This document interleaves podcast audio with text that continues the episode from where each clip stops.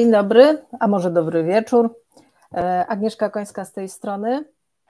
E, dziś wyjątkowo w czwartek, bo czasami życie jest nieprzewidywalne e, i różne scenariusze dyktuje. Dziękuję mojemu gościowi, mojej gościni, bo teraz feminatywy są priorytetem, że zgodziła się na to jednodniowe przesunięcie. Dziękuję Wam wszystkim, że też jesteście dzisiaj z nami. Kto będzie dzisiaj ekspertką? Ekspertką dziś będzie Ewa Błaszczak. Ewa serdecznie. Dzień dobry. Mam techniczne z pogłosem, jak ja mówię. I dajcie znać, czy rzeczywiście też tak, tak słyszycie. Będę w międzyczasie coś próbować. E, e, ale postaram się ja jak najmniej mówić, a jak Ewa mówi, jest dobrze. E, Ewa, prośba, powiedz kilka słów sobie, bo zakładam, że się jest nie znać. Myślę, że sporo osób mnie nie zna. Aż tak jeszcze na razie bardziej popularną jest e, Ewa Błaszczyk.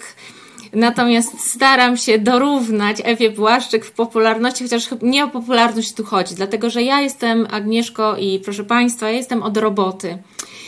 Ja jestem przede wszystkim liderką. Od 20 lat zarządzam ludźmi. Od ponad 10 lat pomagam innym liderom Y, zarządzać i budować zespoły. Zajmuje się, dlatego właśnie zajmuje się przede wszystkim komunikacją, bo jednym z kluczowych elementów y, pracy z drugim człowiekiem jest komunikacja, więc zajmuje się komunikacją, y, mózgiem człowieka i wszystkimi tymi rzeczami, które powodują, że pracuje nam się lepiej, efektywniej, w dobrej atmosferze. E, ja muszę powiedzieć, ja muszę że, powiedzieć, że kurczę, jest to będzie przeszkadzało. przeszkadzało. Ja wiem, czy są, jesteśmy w stanie coś zrobić. Słuchajcie, bo próbowałyśmy wszystkie mikrofony i słuchawki, zanim się połączyliśmy, nic się nie udało. E, ale dla mnie Ewa jest moją ulubioną autorką książek rozwojowych, bo w takim krótkim cyklu, który niedawno zaczęłam z moją inną koleżanką, ze wszystkich książek, które rekomendowałam, aż dwie były Ewy. Ta ostatnia, ta ostatnia komunikacja, komunikacji jak ludzie, jak ludzie jest fascynująca. Jest fascynująca. Jestem po prostu zachwycona tą książką. E, e powiedz Ewa, Ewa, a ja w międzyczasie będę próbowała coś z tym głosem zrobić.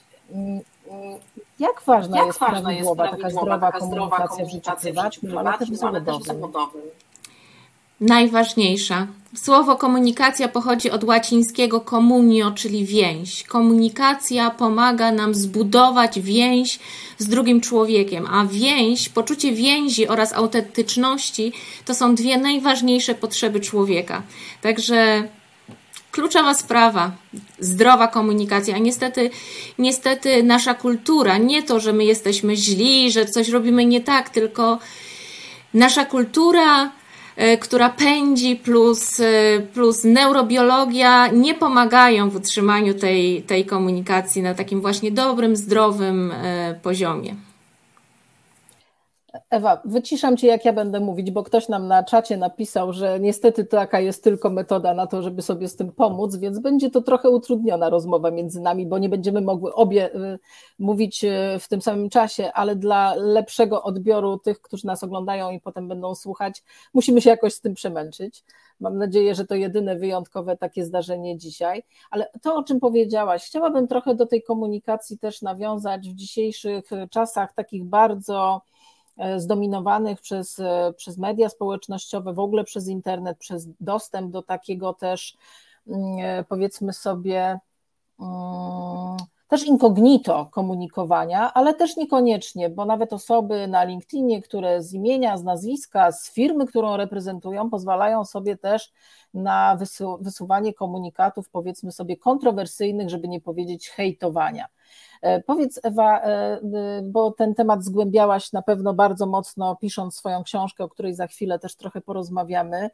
E, dlaczego taki jest w tej chwili taka kultura hejtu, jeśli chodzi o, o, o internet, o media społecznościowe zwłaszcza?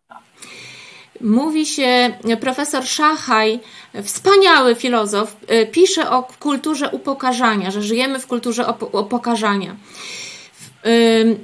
na przeciętnego człowieka, który pracuje na co dzień, jest z ludźmi i jakoś zmaga się z tym z życiem, wywierana jest gigantyczna presja. Gigantyczna presja, która wywołuje to, że odpala nam się w głowie cały czas reakcja stresowa i my w wyniku tej reakcji stresowej zachowujemy się w pierwotny sposób. Co to znaczy? Że my reagujemy agresją, że my, że my chowamy się pod kamieniem komunikacyjnie, że my uciekamy od drugiego człowieka, od odpowiedzialności. To są wszystko naturalne mechanizmy obronne.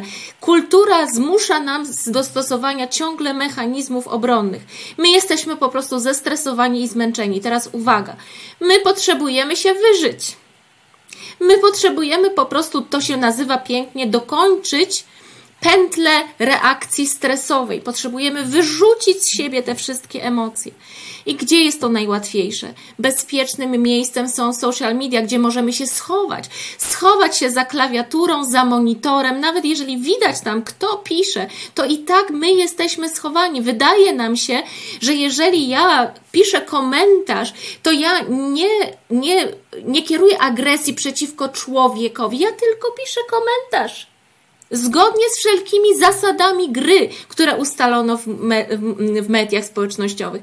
My nie czujemy, że my wyżywamy się, że my stosujemy jakąkolwiek agresję, a tak naprawdę to jest to. My się wyżywamy na innych. Profesor Szachaj mówi, że Chcemy widzieć upokorzenie innych, bo wtedy nam jest lżej, bo myślimy, oni też są do bani, oni też popełniają błędy. Jak ja ich skrytykuję, to będę wewnętrznie mieć mniej poczucia winy wobec siebie i będzie mi lepiej. E, to rozmawiałam kiedyś już, nawiązując do tego, co powiedziałaś, rozmawiałam kiedyś tu też, e, e, moim gościem był Marcin Banaszkiewicz rozmawialiśmy o hejcie właśnie na LinkedInie, kiedy przytoczyłam swój przykład, kiedy zamieściłam post nie agresywnie, absolutnie promujący szczepienia, tylko po prostu dałam wyraz tego, że ja jestem po szczepieniu przeciw COVID, ponieważ e, w firmie, w której pracuję, pełnię też odpowiedzialną funkcję. Funkcja, firma spełnia też zadania krytyczne dla, dla gospodarki. Zależy nam, żeby nasi pracownicy też maksymalnie byli chronieni jak tylko możliwe. W związku z tym zupełnie z dobrej woli i myśli e, szanuję tych, którzy mają inne poglądy. Nikogo nie zmuszam do niczego. Po prostu zamieściłam zdjęcie swoje z hashtagiem na nieszczęście szczepmy się i się zaczęło. Zaczęło się tak, że tak naprawdę po dwóch dniach usunęłam ten post, nie dlatego, że mnie to strasznie jakoś indywidualnie bolało, co tam się działo, ale zaczęła się już bitwa między osobami anty i za, które w komentarzach gdzieś tam się działy. To było dla mnie doświadczenie niebywałe, powiedziałabym, dlatego że e, osoby, które e, tam dyskutowały ze sobą, tak jak powiedziałaś, e, chyba im się wydaje, że są właśnie anonimowo, a jednak tam masz firmę, którą reprezentujesz, swoje całe dossier, swój cały profil i nie jesteś osobą anonimową, już pomijam zdjęcie i, w ogóle cały przebieg swojej kariery zawodowej. I nie chodzi o to, czy ktoś jest za, czy jest przeciw, ale to jakich słów używa, jakich właśnie komunikatów obelżywych używa. E, I czy to mi się wydaje, że, że to da się jakoś zmienić, czy to będzie przybierało na sile? Ja ja myślę, że to musi się zmienić, inaczej będzie źle z nami jako ze społeczeństwem i ja bym poszła dalej cywilizacją. Dlatego, że my się sami, my się sami wybijamy. Jak się nie wybijamy na karabiny, to się wybijamy na słowa. My się generalnie wybijamy, więc albo się to zmieni, albo będzie tak jak teraz, że u mnie w rodzinie prawie wszyscy już latają za przeproszeniem do apteki na poleki e, na głowę, bo nie, są nie jesteśmy w stanie tej rzeczywistości znieść bez tego, łącznie z moim dzieckiem kilkunastoletnim. Tak się dzieje. Więc ja, ja nie widzę innej opcji. Albo, że tak powiem, albo się ogarniemy, albo będzie z nami jak z dinozaurami. E, Ziemia sobie poradzi, żeby to było jasne. Ziemia Jezus Maria, to, to, to była przygoda dopiero z tymi homo sapiens. Dobrze, że już ich nie ma, że się powybijali, nawet nie trzeba było żadnego potopu robić, sami się wybili. Proszę Państwa, czytałeś moją książkę, Agnieszko, bardzo Ci dziękuję. W ogóle bardzo serdecznie dziękuję Ci, że ją, że ją polecasz, dlatego, że dla mnie to jest ważna książka. Ja ją piszę, oczywiście, że dla siebie. Każda książka jest autoterapeutyczna. Tak, dlatego, że ja jestem osobą wysoko wrażliwą. Wszystkich pozdrawiam, którzy są osobami wysoko wrażliwymi. Można to sprawdzić. Dr Elaine Aron, Aron daje na, na necie taki mm, darmowy test. Jestem osobą wysoko wrażliwą. Mnie dotykają słowa bardziej niż 75% reszty populacji. Natomiast nawet wczoraj nagrywałam e, też vlog i podcast na temat tego, że słowa zadają realny ból. Osoba poddawana pogardzie można wyliczyć. Profesor Gottman, który bada, bada to przez całe życie i który jest matematykiem, potrafi wyliczyć, ile będziesz mieć dodatkowo e, zakaźnych chorób z powodu, jeżeli jesteś ofiarą pogardy, to uwaga, będziesz mieć dodatkowe choroby zakaźne przez kolejne 4 lata. Po tym, jak byłaś chronicznie poddawana pogardzie. A czym jest, jaka jest ulubiona toksyna komunikacyjna Polaków? Sarkazm. Dlatego, że to jest agresja, która jest przykryta poczuciem humoru. I podobnie jak w social mediach, wysoki poziom agresji jest akceptowany na social mediach. Takie, takie są zasady gry, niepisane. Tak samo jest z pogardą w formie tej takiej właśnie, właśnie nazywanej inteligentna pogarda, czyli sarkazm, takie, takie szpile wbijane. My, Polacy, je, lubujemy się w tej formie kiedy miałam e, TED Talk na ten temat, na temat sarkazmu, dostałam potem takiego, taki wpis. Panie Ewo, zabronić Polakom sarkazmu to jakby zapro, za, zabronić im pić wódkę. Ewa, niestety muszę Cię miutować, żeby zadać pytanie. Będzie to trudna dyskusja, bo aż się rwę, żeby Ci y, gdzieś tam między słowa wejść i, i o te poszczególne wątki pytać. Ale czy to rzeczywiście jest tylko domeną Polaków, czy tak jest generalnie na świecie? Bo jak się obserwuje, zwłaszcza takie e, ważne wydarzenia, no bo te gdzieś się odbijają w mediach, nie wiem, jak te przedwyborcze, mm, e, e, różne historie w różnych krajach, czy, czy konflikty i tak dalej, i tak dalej. Ale też jeśli chodzi o newsy, też te gorsze się lepiej przecież sprzedają i są popularniejsze. Te, te o konfliktach, te gdzieś o jakichś potyczkach, o problemach. Więc pytanie, czy to jest jakoś wyjątkowo, z tego co badałaś tą materię, wyjątkową domeną nas, Polaków, czy, czy, czy to jest domena ludzi? Po prostu tak skrzywiliśmy się trochę z tym dostępem do, e, do takiej mm, wolnej publiki, która jest w internecie i to z nas wypływa już teraz bardziej. Mhm. Takie tendencje Homo sapiens sapiens miało zawsze profesor Lash, Amerykanin, który badał kulturę amerykańską, nazywał ją kulturą spektaklu. My kochamy igrzyska. Znowu, dlaczego kochamy igrzyska? Bo się leje krew i to jest ekscytujące. Leje się krew i to nie moja. I my się czujemy wtedy panami życia i śmierci. I my te igrzyska uwielbiamy w bardzo różnych formach. Takimi igrzyskami są wojny, takimi igrzyskami są, y, są te wszystkie jakieś tam reality show, gdzie tam, nie wiem, jakieś, nie, nawet nie wiem jak to się nazywa, ale to wszystko jest przesiąknięte toksynami, bo my się wyżywamy na tym. I polska kultura jest kulturą, wysoce toksyczną.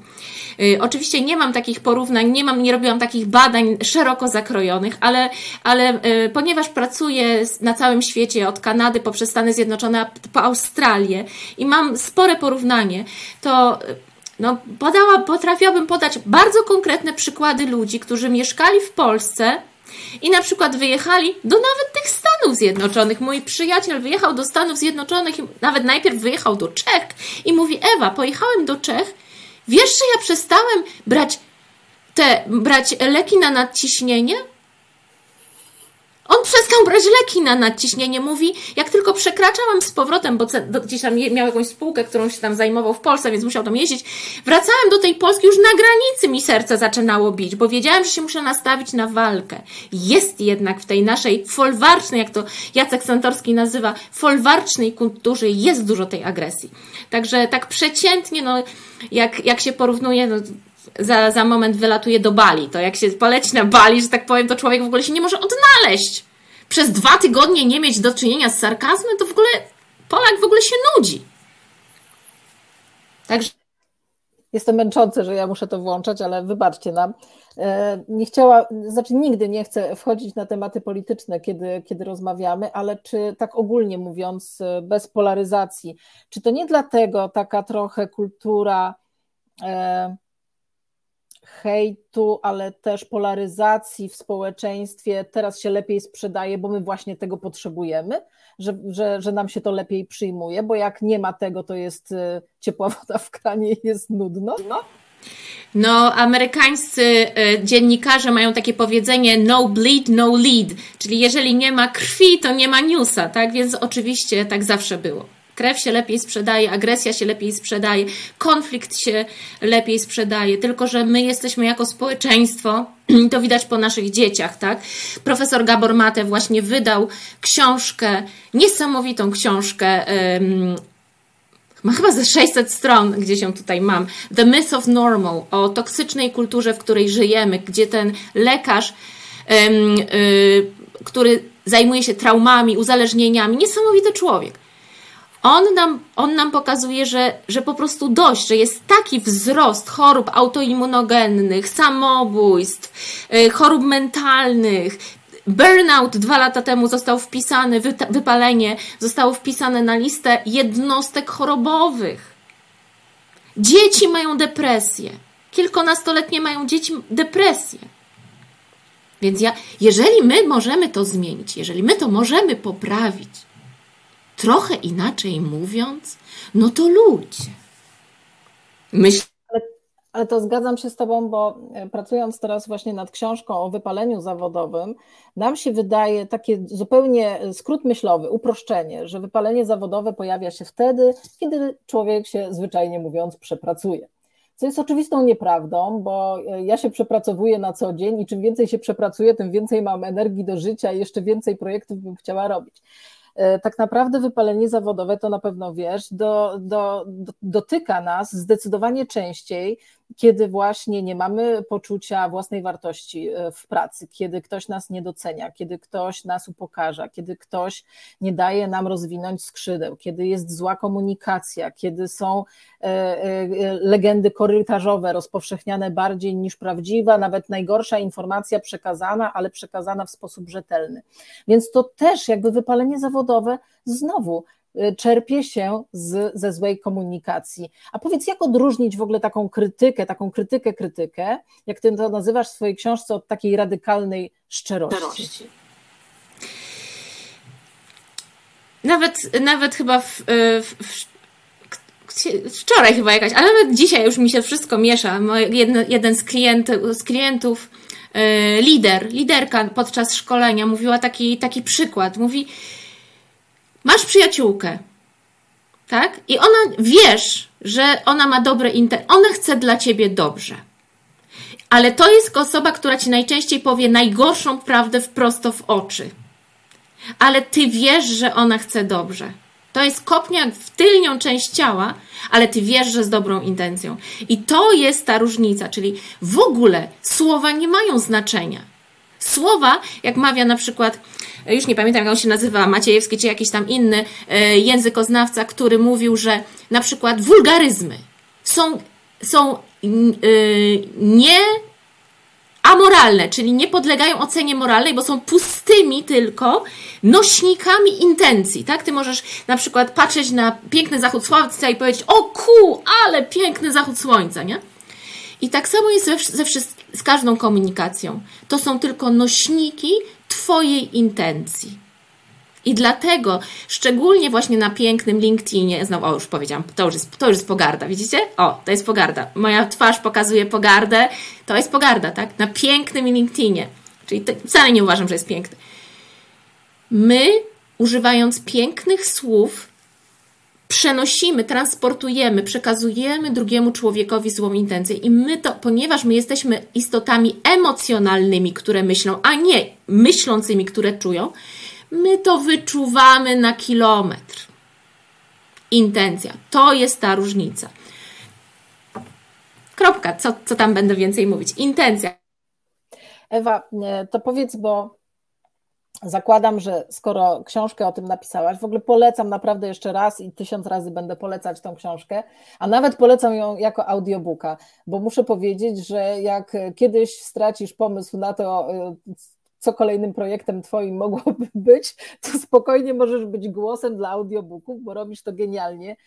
I, i, i ten, twój, ten Twój urok, ten żart, ten, ten humor, który w tej książce również się znajduje, gdzie piszesz o trudnych tematach, ale, ale tak w sposób niebanalny i ta książka jest nieprzegadana, jest nieprzepełniona teorią, tylko, tylko takimi krótkimi faktami. Naprawdę wyśmienita książka.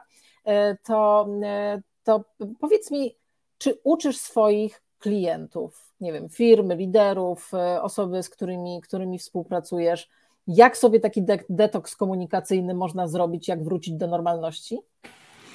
Tak. Okazuje się, Agnieszko, ja właśnie napisałam tę książkę, bo obojętnie na jaki wykład by mnie albo warsztat by mnie nie zaprosił klient, to ja i tak zawsze gadam o toksynach.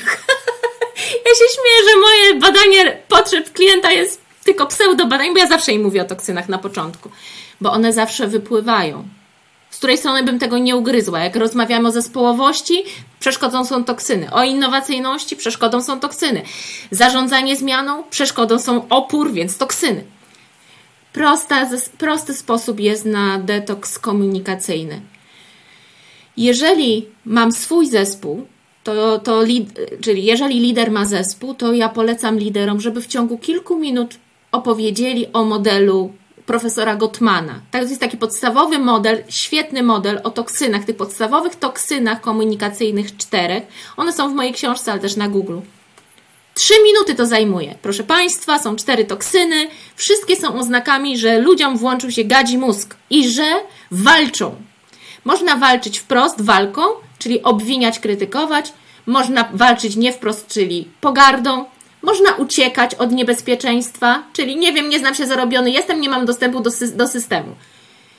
Można stosować trzeci rodzaj toksyn, czyli ignorowanie, czyli nie odpowiadam na maila, nie mam mnie, wyłączam kamerkę na internecie, tak? I to jest te kilka toksyn, bo pogarda jest osobna, więc tam są cztery. Powiedz liderze o tych toksyn, opowiedz. Powiedz tym ludziom, co robią toksyny. Że toksyny, jak będziesz stosować toksyny, to nici z, z kooperacji, nici ze współpracy, jeżeli odpala się gadzi mózg, to tu w płacie czołowym kory mózgowej nie macie dotlenionej krwi. A tu są, przepraszam, ośrodki odpowiedzialne za racjonalne myślenie, podejmowanie decyzji, kreatywność i współpracę. A tu jest pusto. Już nie wspomnę o tym, że, że, że ludzie, którzy są poddawani toksynom, chorują na te wszystkie choroby autoimmunogenne i tak dalej, i tak dalej, i skracają sobie życie o kilka lat. To już jest jakby hardcore, tego już nawet nie muszę mówić. I teraz tak. Profesor Gottman mówi, najprościej jest demaskuj toksyny. Jest spotkanie, jest nieefektywne, bo jest toksyczne, nazwij to, powiedz, słyszę, że pan krytykuje. Jaką widzi pan alternatywę? Albo co konkretnie chciałby Pan zmienić. Jeżeli ktoś się broni, możemy powiedzieć, słyszę, że się Pani broni, ale nie chodzi o to, żebyśmy szukali winnego, znajdźmy rozwiązanie. Albo jak pracuję z zarządami, zarządy mają mnóstwo sarkazmu zawsze, nie? To mówię takim Jusko, mówię, no tośmy się pośmiali, a teraz mamy 15 minut na stworzenie matrycy strategicznej, nie? Nazwij! Proszę Państwa, to jest, to jest w ogóle, to działa jak magia gdziekolwiek bym nie była, czy pracuję z Facebookiem, z Diorem, czy z brygadzistami w Orlenie, jak opowiem im o toksynach, oni na początku mówią, nie, u nas nie ma, nie, u nas, mm. a za chwilę, ty, znowu, wrzutka, ty, szydera, patrz, znowu.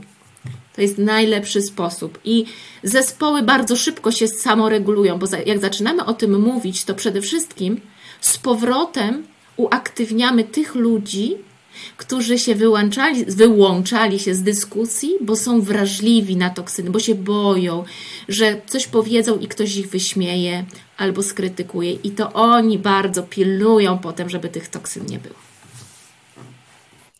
A powiedz mi, czy to jest temat, który jest w tej chwili popularny, jeśli chodzi o poszukiwanie specjalisty, tak jak ty, eksperta, żeby o tym rozmawiać, czy to jest jeszcze kompletna nieświadomość i ty zaczynasz współpracę ze swoim jakimś klientem, powiedzmy zupełnie jakby gdzieś z boku, z innego tematu, a tu nagle pokazujesz im, że mają gdzie indziej problem i o czym innym, czyli o komunikacji i toksynach trzeba rozmawiać. Czyli czy jest już jakby grunt uświadomiony, czy o tym wiemy, ale jeszcze sobie nie potrafimy radzić i w związku z tym szukamy specjalisty, czy ty musisz wejść i po prostu czarno na białym powiedzieć, gdzie jest problem i czego musicie się nauczyć? Zdecydowanie nie mamy. W ogóle nie, nie wiemy, co to są toksyny. Nie wiemy, że są. W ogóle dziwimy się, że one są złe. Panie Ewo, ale jak to? Sarkazm? Przecież my się znamy jak łysy konie, my to tak lubimy sobie tak pożartować. Tak kiedyś e, taki, taki uczestnik e, szkolenia z wystąpień publicznych prezentował prezentował jako część swojej, swojego zadania y, jakiś żart na scenie miał opowiedzieć. I mówi, no taki miałam sytuację z córką, kupowaliśmy sobie oboje nowe telefony komórkowe i jak byliśmy przy kasie, to córka zażartowała, córka się mnie pyta, tato, czemu ty kupujesz lepszy y, telefon sobie niż mi? No i on mówi tak dla żartu, na, na głos powiedziałem, kupuję ci gorszy telefon, bo jesteś głupsza. No i to, że to niby takie śmieszne. No i pytam się potem tego gościa, czy twoja córka zawsze tak dobrze znosi twój, twój sarkazm? Ona mówi, nie, no tak. Chociaż wiesz, jak żeśmy kupili te telefony komórkowe, to poszliśmy do kina, kupowała mi popcorn i mówię, poproszę mały popcorn. A córka mówi, tata, ja chcę duży. Nie kupię ci dużego, jesteś gruba. Wiesz, że się rozpłakała? My mamy, my mamy tak dużo w kulturze. Ja tu znowu będę mówić o polskiej, bo tę, tą znam najlepiej, chociaż na przykład w niemieckiej jest bardzo dużo pogardy też ale w polskiej jest bardzo dużo tego sarkazmu ze względu właśnie na tą wojującą kulturę, kulturę folwarczną, gdzie, co to znaczy kultura folwarczna? To znaczy kultura siły, ale nie tylko siły, to, jest, to chodzi o dystans do władzy, czyli ja pokazuję tobie, że ty jesteś gorszy. Więc na razie w ogóle sobie z tego nie zdajemy sprawy i dokładnie tak jak powiedziałaś, wchodzę do firmy Pani Ewo, Zespół kontrolingu, Panie Ewo, nasze spotkania są nieefektywne, mam świetnych ekspertów, ale po prostu mielimy tematy i nic nie idzie do przodu. Co się okazuje? Siadam na spotkaniu tych kontrolerów 60 minut. Po spotkaniu się mnie pytają, czy ja coś zauważyłam, bo pewnie nie, bo oni się starali dzisiaj. Ja mówię, zauważyłam, że 58 razy na 60 minut, a ja liczyć potrafię, bo jestem doradcą podatkowym, 58 razy zaczynali zdanie od nie. Także Agnieszko, propaguj te, mów o tych toksynach też przy okazji wypalenia, bo to, bo to bardzo do wypalenia prowadzi. Bardzo. Dlatego ja się tak cieszę, że piszesz tę książkę i już Ci oddaję głos. Tak, e, zgadzam się z Tobą, że temat jest na czasie, ale to, o czym powiedziałaś, e, e, o tym, jak nawet zaczynać właśnie zdanie, E, żeby nawet powiedzieć to samo, ale zupełnie z innym nasyceniem emocjonalnym i z inną intencją, tak jak powiedziałaś, e, to, to jest bardzo, e, bardzo ważne. Ale z Twojej książki kilka fajnych rzeczy wyciągnęłam, a metoda pieprzu i dżemu zostanie ze mną do końca życia. Po prostu już ją sprzedałam, gdzie tylko mogłam. Natomiast chciałam też porozmawiać o, o innej Twojej książce, poprzedniej, o książce Kolory. E, bo książka Kolory, którą też wszystkim polecam e, i, i, też polecam ją e, podczas moich różnych sesji coachingowych czy mentoringowych, żeby osoby, które nie miały nigdy wcześniej okazji z, z tym modelem, to, to Twoja książka jest najlepsza, żeby od tego zacząć. Powiedz, czy my jesteśmy bardzo różni, czy jednak podobni i jak wykorzystujesz tą wiedzę, którą też zgłębiłaś na pewno, pisząc tą książkę? Czy wykorzystujesz, wykorzystujesz ją nadal w swoim takim codziennym życiu, nawet prywatnym, z osobami, z którymi się spotykasz, czy przez ten pryzmat patrzysz? Czy już dla ciebie to już jest jakby tak zupełnie intuicyjnie, że, że, że to już nie musisz w ten sposób reagować? Bo powiem ci szczerze, jak ja przeczytałam Twoją książkę, to mm, w firmie, w której pracuję, miałam e, osobę, którą, mm, na którą alergicznie reagowałam Natomiast kiedy zidentyfikowałam, że ja jestem mm, żółta z odcieniem czerwieni, taka pomarańczowa powiedzmy sobie, a ta osoba jest bardzo niebieska, to stwierdziłam, dobra, no ta osoba mnie irytuje. Bardzo mnie irytuje, ale prawdopodobnie ja tak samo irytuję ją, bo mamy zupełnie skrajne, skrajną kolorystykę, a w związku z tym zupełnie inne, e, inaczej patrzymy na świat, inaczej postrzegamy, szczegóły, inaczej inną mamy po prostu osobowość. I jestem bardziej wyrozumiała z, z tego powodu, bo jak sobie tylko przypomnę, no dobra, ta osoba taka jest, bo jest niebieska, to już mi to przestaje tak mocno e, gdzieś tam e, wiercić dziurę w brzuchu. Powiedz, czy, czy ty nadal się tą, e, tą, tą metodyką posługujesz? Ja muszę przyznać, że bardzo. Nie wiem, czy na pewno nie ma takiego dnia, żebym nie korzystała. Nie wiem, czy jest taka godzina, żebym nie korzystała z tego.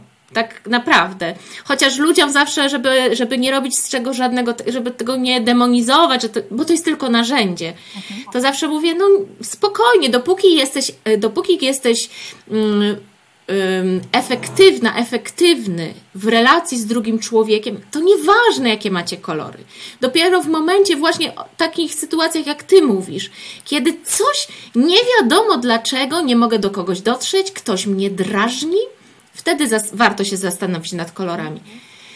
I jednocześnie ja z ręką na sercu muszę przyznać, że ja stosuję to cały czas i tak jak ty mówisz, mi to pomaga. Znowu, ja jestem osobą wysoko wrażliwą, więc każdy niuans, tak, ktoś coś inaczej zrozumiał, ktoś inaczej coś powiedział i mi jest teraz łatwiej. Także ja rozumiem, że ktoś mówi coś bezemocjonalnie, bo jest niebieski. I to nie dlatego, że, że coś ma do mnie, że mnie nie lubi, po prostu to jest jego, to jest jego, jego, jego oprogramowanie i jest, mi jest z tym dużo łatwiej. I bardzo często słyszę takie, takie stwierdzenie jak twoje, że na przykład moja koleżanka, która przeczytała moją książkę, mówi Boże, ja dopiero rozumiem, że, że mój syn to nie jest gbur. On jest, on jest niebiesko-czerwony, on po prostu zupełnie inny, on nie ma tej emocjonalności. Ja się chcę do niego przytulić, a on mówi, mama odejdź. I ona mówi, ja myślałam, że jestem złą matką. A teraz inaczej po prostu z nim rozmawiam. Rozmawiam z nim o polityce, o tematach merytorycznych i znaleźliśmy wspólny język. Więc dla, dla mnie to jest, ale to za siebie mówię. Dla mnie to jest model bardzo ważny. Moje dzieci już go znają. Moja matka do mnie mówi, ma, bo ty powinnaś być, moja mama ma 77 lat, mówi, bo ty powinnaś bardziej po żółtemu tak do życia podchodzić, tak bardziej po żółtemu, bo to, to tak bardzo, za bardzo się po zielonemu, wiesz? Świetny, świetny przykład i myślę, że, że to naprawdę trzeba tak trochę na miękko brać, bo każda metoda, myślę, że nie, da, nie ma się co dać zwariować i, i raczej wykorzystywać e, te wszystkie zdobycze, tą wiedzę, którą czerpiemy z tych, z tych książek chociażby, wykorzystywać tak, żeby one nam e, ułatwiały życie, a nie żebyśmy się dręczyli nimi. nimi. E, pamiętam, że swego czasu, jeszcze jak, e, jak Cię poznałam na, na szkoleniu u nas w firmie kiedyś, kiedyś, kiedyś bardzo temu,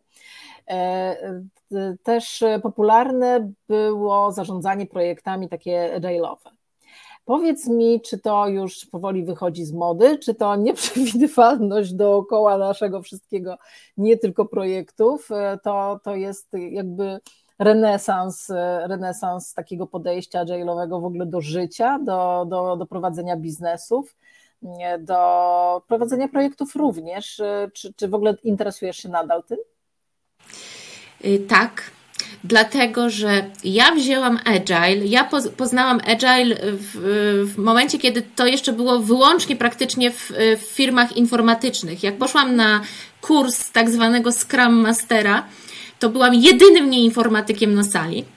Natomiast ja z tego wyciągnęłam podejście do zarządzania zadaniami i projektami, w ogóle podejście do pracy, a niekoniecznie te wszystkie, nie interesują mnie tam te wszystkie zabawki, tam velocity, nie velocity, to, to są zabawki. Ale agile jest podstawą ewolucji. Karl Darwin mówił, już dawno, że przetrwają nie te gatunki, które mają kasę, które są silne, przetrwają ci, którzy potrafią szybko się dopasować do zmian. Więc Agile nie jest niczym nowym. Agile jest stary jak ewolucja, tylko uwaga, myśmy mieli małą przerwę na rewolucję przemysłową i kolonializm, które wprowadziły fabrykę, standardy, te taśmy produkcyjne, procedury, dokumentacja, plany dziesięcioletnie. To był czas rewolucji przemysłowej i kolonializmu, ale to było tylko mrugnięcie, mgnie, no, mrugnięcie oka w naszej ewolucji, więc my po prostu wracamy do tego, co jest naturalnym sposobem zarządzania nieprzewidywalną rzeczywistością na matce Ziemi. Ostatnio się spotkałam, przyznam bardzo e, pierwszy raz, e, że e, takie sformułowanie znalazłam gdzieś w literaturze. Wcześniej oczywiście o WUKA, o świecie WUKA pisało się bardzo dużo, nawet już czytałam o tym wiele razy, że świat WUKA zwukował.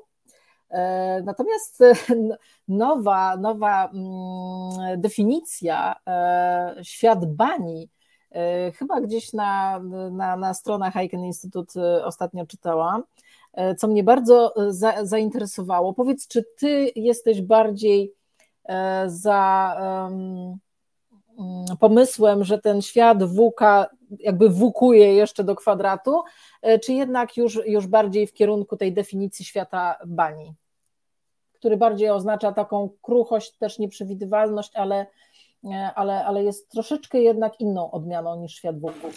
To mi się wydaje, że świat bani bardziej nazywa taki emocjonalny aspekt y, tego, tego, tych zmian transformacyjnych, w których żyjemy. Ja wierzę w cykliczność. Ja jestem ekonomistką, więc tak mnie uczyli, że wszystkie, wszystko jest cykliczne, ale też jak kiedy słuchamy y, y, ludzi, którzy zajmują się czy trendami, czy są futurologami, czy, czy osobami, które analizują cywilizacyjne zmiany, jak na przykład Greg Braden, to mówi się o pewnych cyklach.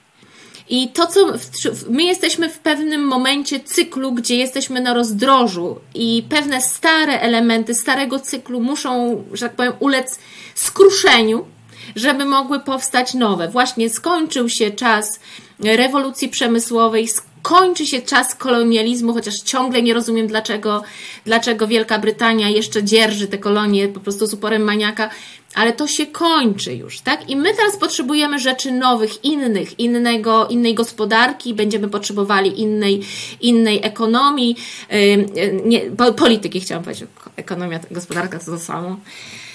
Ale tak, tak to powiedziałam, że nikt by nie zauważył. Ja tak pewnie siebie, jak się pewnie siebie głupoty mówi, to to, to, to przechodzi ale w każdym razie my potrzebujemy nowych rozwiązań. I stąd jest tyle, aż tyle zmian, plus jeszcze dochodzą do tego rzeczy geologiczne, geologiczne, czyli geolodzy mówią nam, że przyspieszenie, percepcja, zmiana percepcji czasu jest związana z magnetyzmem Ziemi.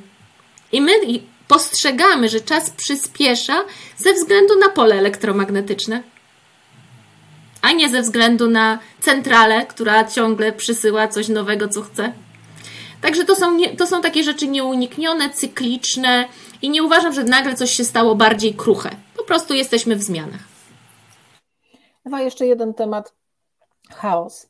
E, te wszystkie kryzysy, w których jesteśmy w tej chwili e, świadkami, e, Oczywiście kryzysy zawsze były i będą, natomiast teraz odczuwamy od czasów chyba pandemii, teraz to, co się dzieje, wojna w Ukrainie, e, te, te konsekwencje, kryzysy energetyczne, gospodarcze, finansowe, wszystko gdzieś tam łańcuchy dostaw się rwą.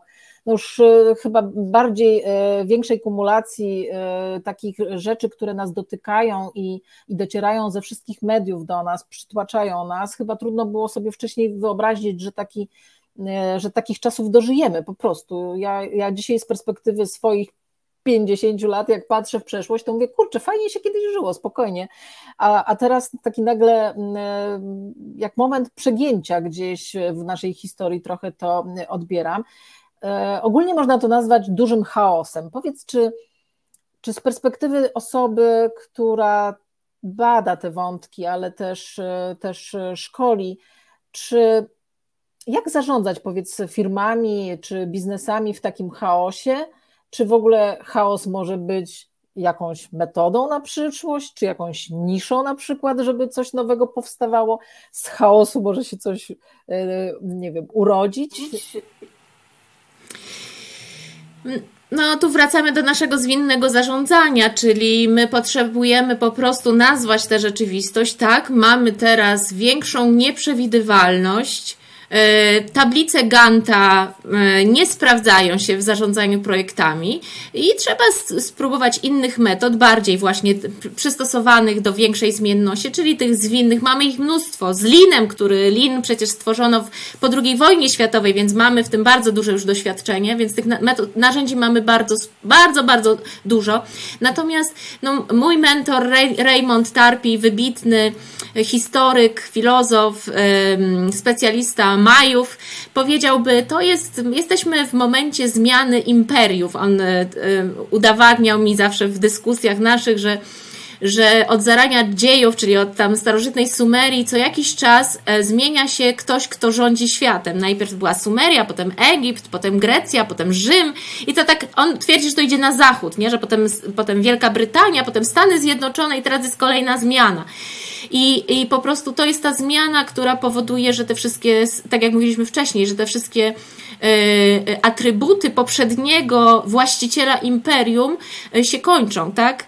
E, no, kryzys energetyczny, no niestety w pewnym momencie prawdopodobnie zabito Nikolaja Tesla, który to posiadał narzędzia do bezprzewodowego przesyłu energii i dobrze by było, gdyby już kolejnego młodego czy nie młodego człowieka, który na pewno gdzieś tam na świecie to wie, jak to zrobić, żeby już go nie, nie ubijać może. Tak, prośba taka teraz w internecie, nie ubijajmy tego gościa, weźcie, no pozwólcie im przesyłać energię, po prostu, no jak po, może, mogli to robić w Egipcie, to weźmy to już, odpalmy, tak, to bezprzewodowe przesyłanie energii na cały świat będzie z głowy. Ja wiem, paru szejków się zdenerwuje, ja wiem, ale dzięki temu skończymy ten kryzys. Teraz, tak jak ja patrzę i też właśnie no, Raymond Tarpi, ten mój mentor, jest takim moim drogowskazem, jeśli chodzi o takie um, globalne y, trendy.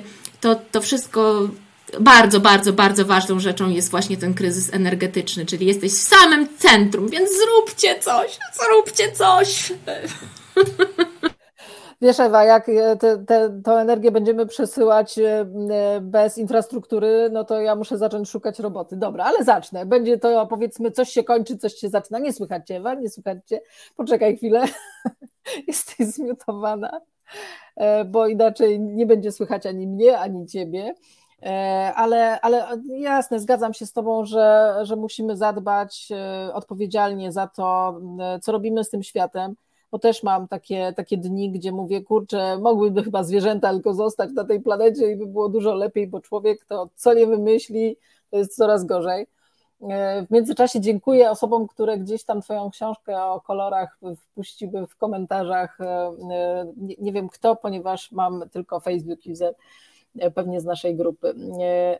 Ewa, chciałabym jeszcze porozmawiać też o Twojej książce, nad którą teraz zaczynasz pracę. E, bo, bo wiem z postów Twoich, e, że, że taką pracę podjęłaś i, i zaczynasz. E, powiedz, skąd też u Ciebie się bierze taka ponadprzeciętna energia, żeby jedna książka za drugą powstawała, bo oczywiście można, można być bardzo produktywnym autorem i, i dużo pisać, ale jednak jest taki też zalew, y, y, powiedzmy sobie, różnych opracowań w tej chwili na rynku, że żeby coś fajnego, ciekawego, co naprawdę będzie dawało wartość czytelnikom napisać, to nie jest łatwo dzisiaj, a Twoje książki są, no naprawdę, powiem to już po raz kolejny, y, tak fajnie napisane, że nie można koło nich przejść obojętnie, więc powiedz skąd Ci się to bierze i powiedz też o tym swoim nowym projekcie. Bardzo Ci dziękuję to jest, kiedy, kiedy tam nieudolnie chciałam zaprosić Państwa dzisiaj na nasze spotkanie, to, to wrzuciłam mm, e, filmik Elizabeth Gilbert, która, która mówi o tej karierze, tak? I ona tam rozróżnia kilka słów. Jest, mamy, mamy pracę, która to job, który nam zarabia na, na rachunki, mamy karierę, czyli tą pracę z pasją, mamy hobby swoje, czyli coś, co robimy dla przyjemności i mamy vocation, czyli powołanie. I mm, ja jestem z powołania nauczycielem. Ja, jak byłam mała, to chodziłam z dziennikami, udawałam, że mam dziennik pod pachą. Moja mama była y, polonistką, ale ponieważ byłam dobra z matematyki, to, za, to zostałam doradcą podatkowym, bo jestem po SGH. Natomiast bardzo szybko zrozumiałam, że po prostu ja inaczej nie umiem. Ja muszę uczyć ludzi. Ja tak mam, że ja w zeszłym roku przeczytałam 104 książki. 104 mi napisała moja aplikacja, że przeczytałam. Ale ja nie, ja jak już coś, jak do czegoś moje, moje skromne tam szare komórki dojdą, to ja mam potrzebę, żeby powiedzieć komuś, bo może się komuś to przyda. Więc to jest po prostu takie, takie powołanie i to powoduje, że obojętnie czy mnie tam hejtują, jest mi przykro czasem. Jak mnie chwalą, to fajnie, ale jakby mnie nie chwalili, to ja i tak mam taką potrzebę, żeby się dzielić, że słuchajcie, ja doszłam do czegoś takiego, może to komuś pomoże. I dlatego ja piszę te książki. A tą konkretną napisałam, bo byłam na 40 mojej, mojej przyjaciółki w Barcelonie. I tam była jej siostra. Siostra jest, siostra mojej przyjaciółki, pozdrawiam Meg. Meg jest szefową HR-u bardzo dużej organizacji. Jest taką HR-ówką z krwi i kości od lat. się pytam jej, Meg, o czym ty potrzebujesz książki, książkę? O czym ci napisać? Ona mi mówi, listen, all those people say they are, they are stuck. Wszyscy ci ludzie mówią, że utknęli, że oni się nie mogą rozwijać, bo bo HR nie robią szkoleń, bo lidera ma beznadziejnego, bo jest za stary, bo mu się nie chce, bo ma dzieci. Weź ty napisz taką książkę, żeby oni po pierwsze zrozumieli, że HR tego za nich nie zrobi ani lider. Po drugie, żeby oni zobaczyli, że wszystkie przeszkody, 90% przeszkód mają w głowie. I po trzecie, żeby, żeby im tak jak krowie na miedzy napisać, jak to po kolei zrobić, żeby się mądrze rozwijać. Ja mówię, Meg, masz to. Załatwione. o i tak. To Ewa, to pytanie. To jak się mądrze rozwijać, powiedz Ewa? Jak we wszystkim, co robię, ja zaczynam od wskaźnika PCIT i tu, tu, y, tu inaczej nie będzie, czyli zacznij od tego, po co ci to. Ostatnio miałam coaching z jakimś liderem, który mówił, że słuchaj, mam takiego pracownika i HR. Nie, to było inaczej. Ten, ten, ten lider mówi, miałam ostatnio assessment. Taki assessment na jakiś wyższy szczebel lidera i miałem taką scenkę, gdzie pracownik mówi, że nie chce się rozwijać, bo jemu tu dobrze. No i ja powiedziałem w tej scence, że no dobra, jak ci jest dobrze, no to okej. Okay. No i dostałem tam oszan od tej HR-ówki, że ja jestem nieangażującym liderem, że nie zrobiłem empowermentu i w ogóle, że źle, wszystko źle. Mądrze się rozwijać to wiedzieć, po co? My się nie mamy innego możliw nie ma innej możliwości na matce ziemi, że, jak tylko się rozwijać. Jeżeli ty tego nie będziesz chcieć nie zrobisz tego świadomie, to życie to zrobi za ciebie. Będzie ci wrzucać takie kłody pod nogi, że i tak się będziesz musiać rozwijać. Więc dla mnie mądry rozwój to jest po prostu wziąć te sprawy w swoje ręce i zastanowić gdzie ja jestem dziś, tak jak oglądałam z Twoją koleżanką Marysią, również z Twojej e, korporacji energetycznej, Marysia bardzo mądrze mówiłam, mówi, ona się zobaczyła z takiego helikopter view, gdzie jest teraz, gdzie chce dojść, jaka jest droga pomiędzy? I co musi zrobić, żeby ja bym jeszcze dodała przy najmniejszym wysiłku i z największą przyjemnością tam dojść. O i nie ucz się angielskiego dla angielskiego, jeszcze to. Boże, jak to jest głupie, jak ludzie 15 rok przychodzi do HR-u i mówi no w tym roku poproszę o kurs angielskiego. A po kiego grzyba ci to mo się chce rozwijać? nie uczcie się 15 lat. Jak mówi moja koleżanka, najlepszym sposobem jest mieć chłopaka albo dziewczynę. Weź sobie znajdź partnera w tym języku, to się nauczysz w 3 miesiące. Popieram, popieram. E, natomiast e, tak, e, mam też do czynienia tu w tym, powiedzmy sobie, mini programie, że staram się zapraszać osoby, które nie są top of the top, nie wiem, z okładki Forbesa i tak dalej, tylko normalnych, zwyczajnych ludzi, którzy pracują z pasją, żeby opowiedzieli o tej pasji, że sukces też nie ma jednej definicji, jednego imienia, że każdy z nas może tą pasję i ten sukces definiować zupełnie inaczej. I takie proste historie mogą kogoś zainspirować, żeby tą dupę za przeproszeniem ruszyć i dążyć do tego, żeby to swoje wymarzone coś dostać, żeby nie dublować, żeby nie kopiować tych ścieżek innych osób, tylko się inspirować, bo jeżeli nawet nie mamy jakiegoś pomysłu na siebie, może tak być, że nie mamy jakiegoś tam zdefiniowanego, trochę nas gryzie i jest nam niewygodnie tu, gdzie jesteśmy, ale nawet sobie nie potrafimy odpowiedzieć, a gdzie by nas nie gryzło i gdzie by było fajniej, więc czasami warto kogoś czymś zainspirować, ale zawsze namawiam, żeby nie kopiować, żeby po prostu nie wzorować się na tym, że ktoś zdefiniował swój sukces tak, to jak ja zrobię dokładnie tak samo, to też będę szczęśliwa i też to będę traktowała czy traktował za sukces, bo to zupełnie może być nie po drodze i może być zupełnie inaczej. I myślę, że tak, że to będzie na pewno fajna książka, czego Ci bardzo oczywiście życzę. Ale powiedz, e, bo jesteśmy wszyscy zabiegani, zapracowani, oczywiście to lubimy niektórzy, nawet za bardzo, ale też trzeba e, ładować akumulatorki, trzeba też nauczyć się mm, odpoczywać. Oglądałam Twoją rozmowę mm, wideo z Agnieszką Maruda, bardzo ją pozdrawiam. E, gdzie opowiadałyście we dwie o tym, jak odpoczywać. Strasznie mi się to podobało. Nie, nie powtórzymy całej tej rozmowy, ale prośba, daj jakiegoś tipa takiego krótkiego chociaż, jak ty odpoczywasz, jak ładujesz te swoje baterie, bo masz w tej energii niespożytkowane ilości. Ja jestem w ogóle wewnętrznie maruderem, w ogóle introwertykiem.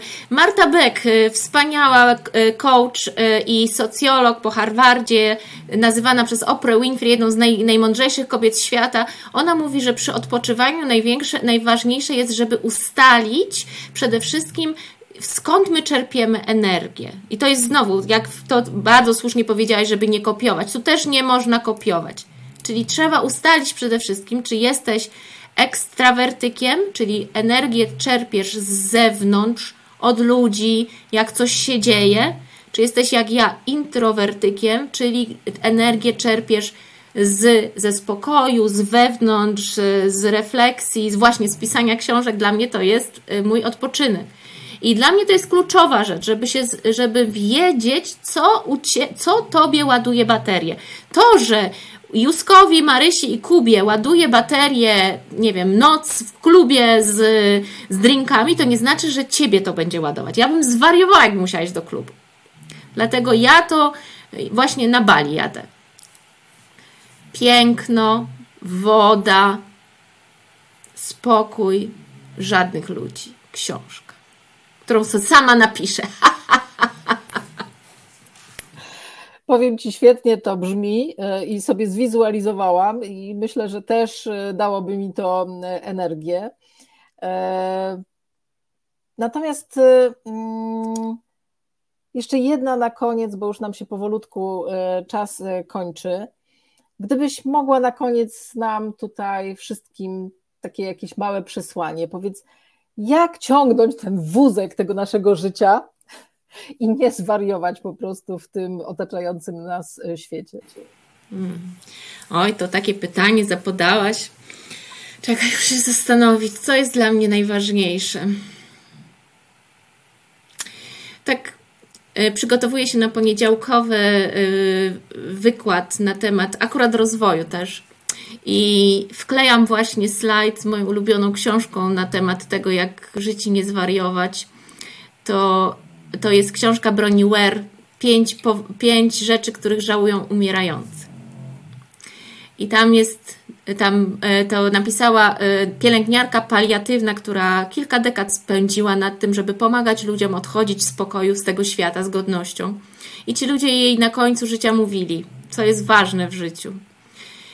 I pierwszym żalem, który mieli, to było to, że nie żyli swoim własnym życiem, tylko oczekiwaniami innych.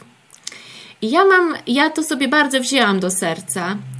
I ja co jakiś czas, ja sobie tak robię takie momenty w ciągu dnia nawet, że przypominam sobie, co jest ważne. I gdybym miała dzisiaj umrzeć, to czy robiłabym to, co robię w tej chwili, czy przejmowałabym się tym, czym się przejmuję w tej chwili. I mi to pomaga. Dzisiaj na przykład, y, no wczoraj moja córka przyniosła nie za ciekawe grade ze swojej szkoły. Mój syn przyniósł siódmą uwagę nie? i tam w ogóle odpaliło we mnie tam w ogóle wszystko, że świat się kończy, wszędzie mam problemy. Ale potem tak sobie myślę, czy to jest w ogóle, czy jak będę umierać, to będzie miało jakieś znaczenie. I zamiast ten mój syn przyszedł, co, dostanę w dupę. On nie dostaje w dupę, ale tak mówię, on taki dramatyczny jest. W dupę dostanę. Ja mówię, nie, Mati. Idziemy do Empiku, coś sobie fajnego kupimy, żeby było miło.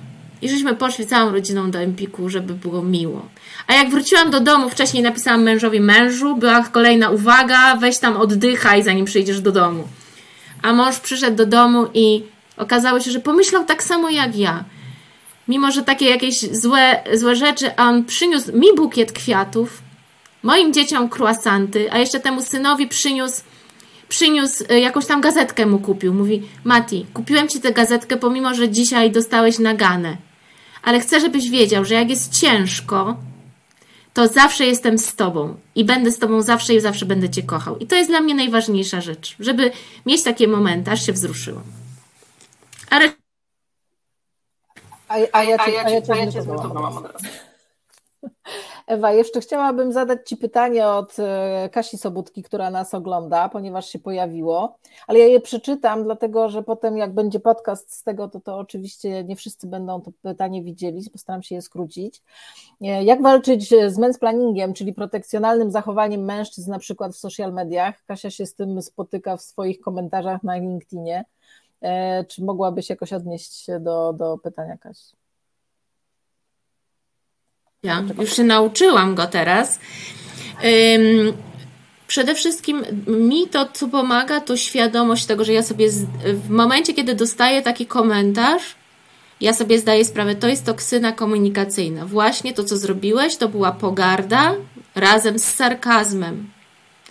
I Staram się, po, po, dużo mi dało, polecam Ci, żebyś po, posłuchała Gabora Mate, jak on mówi o nas, wszystkich ludziach, że nie pytaj, dlaczego ktoś stosuje toksyny, zapytaj, go, zapytaj siebie, co go boli. I ja się uczę tego, że jak ktoś mi tak, yy, tak napisze, to ja myślę sobie, co się musi w tobie dziać, że masz taką potrzebę udowadniania komuś, tak? Wyżywania się. Co się musi w tobie dziać? i idę dalej. Ale zadajesz to pytanie oficjalnie, to znaczy odnosisz się do tego komentarza, czy po prostu tylko w głowie sobie to robisz, bo to czasami falę hejtu jeszcze bardziej rozkręca. Tak, nie, nie, nie. Jeżeli to jest hejt, y, y, zdarzyło mi się odpowiadać i to bardzo źle robi to, to tak jak mówisz, tylko nakręca te spirale. Zwykle ktoś, kto zaczyna ten hejt, już jest tak nakręcony, że ma przewagę, więc to, to do, nie, moim zdaniem tu y, no jest to też toksyna, bo ignorowanie też jest toksyną, ale w małej ilości, toksy, definicja toksyny mówi, y, że to jest substancja, która w dużej dawce szkodzi, ale w małej leczy. Więc ja stosuję ignorowanie w mediach społecznościowych, chyba że już ktoś naruszy moje granice, no to wtedy nazywam. To była pogarda. Skupmy się na konkretach. Nazywam, nic więcej. To jest najlepsza metoda. To była pogarda. E, Ewa, bardzo serdecznie Ci dziękuję za tą bardzo inspirującą rozmowę. Sama będę musiała ją jeszcze pewnie ze dwa razy odsłuchać i wszystko sobie wynotować, co polecałaś do przeczytania, do odsłuchania, do obejrzenia i tak dalej i na pewno, na pewno gdzieś, gdzieś będę to uzupełniać po drodze. Bardzo Was przepraszamy za te problemy techniczne, ale E, ale naprawdę nie potrafiłyśmy sobie przed wejściem na live e, z tym poradzić i nadal nie wiem, co jest e, tego przyczyną. Próbowałyśmy, jak mogłyśmy, ten komfort jednak tej naszej rozmowy zachować, chociaż było mi trudno, bo chciałam się tam wcinać w te zdania i, i podpytywać o różne rzeczy, więc musiałam sama się hamować i ciebie czasami też niestety przycięłam w połowie, w połowie wyrazu, kiedy już myślałam, że skończyłaś, a ty chciałaś kontynuować, więc ciebie też, Ewa, bardzo za to przepraszam ale mam nadzieję, że tak czy inaczej, bez względu na to, jak, jak ta rozmowa przebiegała od strony technicznej, była dla Was inspirująca, tak jak dla mnie była niezwykle inspirująca i Ewa, serdecznie, serdecznie Ci dziękuję, że przyjęłaś zaproszenie i życzę Ci jeszcze wielu, wielu książek e, do napisania, żebym ja też mogła czytać i recenzować i polecać, bo, bo tak jak powiedziałam na początku, jesteś póki co moją ulubioną autorką, więc, e, więc bardzo, bardzo Ci dziękuję też za to, co robisz. No i cóż, i, i mam nadzieję, że ci, którzy z nami nie byli, to, to obejrzą w trakcie, kiedy będzie już możliwość retransmisji audycję obejrzeć na YouTubie czy na LinkedInie, a, a po, po, po, dwóch godzinach być może jeszcze dzisiaj zrobię z tego podcast, więc mam też takich, którzy lubią słuchać w drodze do pracy albo w drodze z, z pracy tych, tych naszych rozmów. I mam nadzieję, że jeżeli się jeszcze jakieś pojawią pytania, Ewa, jak będziesz miała jeszcze chwilę czasu, nie mówię dziś, koniecznie od razu też odpoczywaj, ale, ale być może jeszcze się będziemy do, do tych Waszych komentarzy odnosić. Daję Ci jeszcze coś powiedzieć, Ewa. Bardzo dziękuję Agnieszko, bardzo dziękuję za tę rozmowę, bardzo dziękuję Ci, że to robisz, e, bo na pewno też musisz być zmęczona po całym dniu pracy, także ja w imieniu wszystkich, którzy słuchają, bardzo Ci dziękuję. No i też nie mogę się doczekać na Twoją książkę dotyczącą wypalenia, żeby ją wziąć do ręki i przeczytać. Dziękuję Ci bardzo, dziękuję wszystkim i do zobaczenia, myślę, za tydzień.